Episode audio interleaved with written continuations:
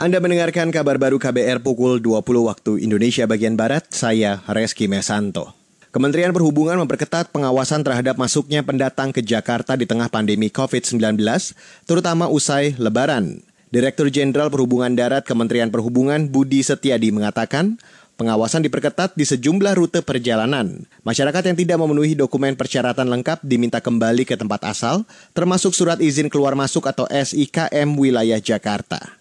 Kalau misalnya yang masyarakat bawa dokumen perjalanan yang lengkap, lanjut. Kalau enggak, balik, putar balik kembali ke kampungnya. Justru nah. sekarang kita harus tegas sekarang. Karena memang sudah dikasih tahu seberapa lama dan kemudian di DKI Jakarta sudah cukup bagus sekarang uh, untuk penyebaran COVID kan semakin menurun kan. Jadi jangan sampai yang dari luar itu masuk lagi ke Jakarta bawa penyakit kira-kira bawa virus lah kira begitu. Direktur Jenderal Perhubungan Darat Kementerian Perhubungan Budi Setiadi mengatakan, syarat lain adalah surat keterangan tugas keluar kota Jakarta. Apalagi sejak awal pemerintah melarang mudik selama pandemi virus corona, sehingga hanya orang yang sedang bertugas saja yang boleh berpergian. Sementara itu, Gubernur DKI Jakarta Anies Rashid Baswedan juga meminta masyarakat yang terlanjur mudik atau pulang kampung supaya tidak kembali ke Jakarta jika tidak memiliki kepentingan.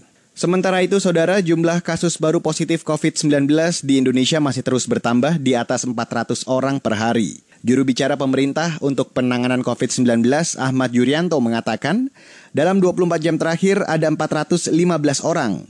Jumlah ini turun sedikit dibanding sehari sebelumnya. Kita dapatkan kasus konfirmasi positif COVID-19 untuk hari ini naik 415 orang sehingga totalnya menjadi 23.165 orang sembuh 235 orang sehingga total menjadi 5.877 orang. Sementara meninggal 27 orang sehingga total menjadi 1.418 orang. Penambahan kasus dalam sehari terbanyak terjadi pada Jumat lalu, di mana ada penambahan hampir 1.000 orang dalam sehari.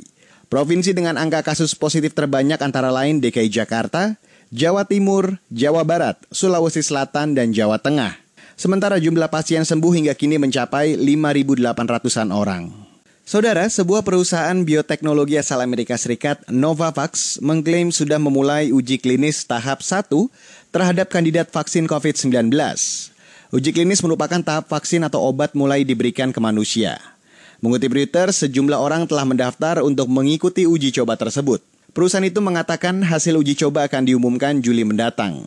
Novavax mengatakan setelah keberhasilan uji klinis tahap 1, percobaan tahap kedua akan dilakukan di sejumlah negara, salah satunya Amerika Serikat.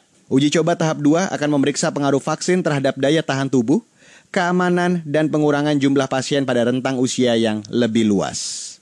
Demikian kabar baru KBR, saya Reski Mesanto.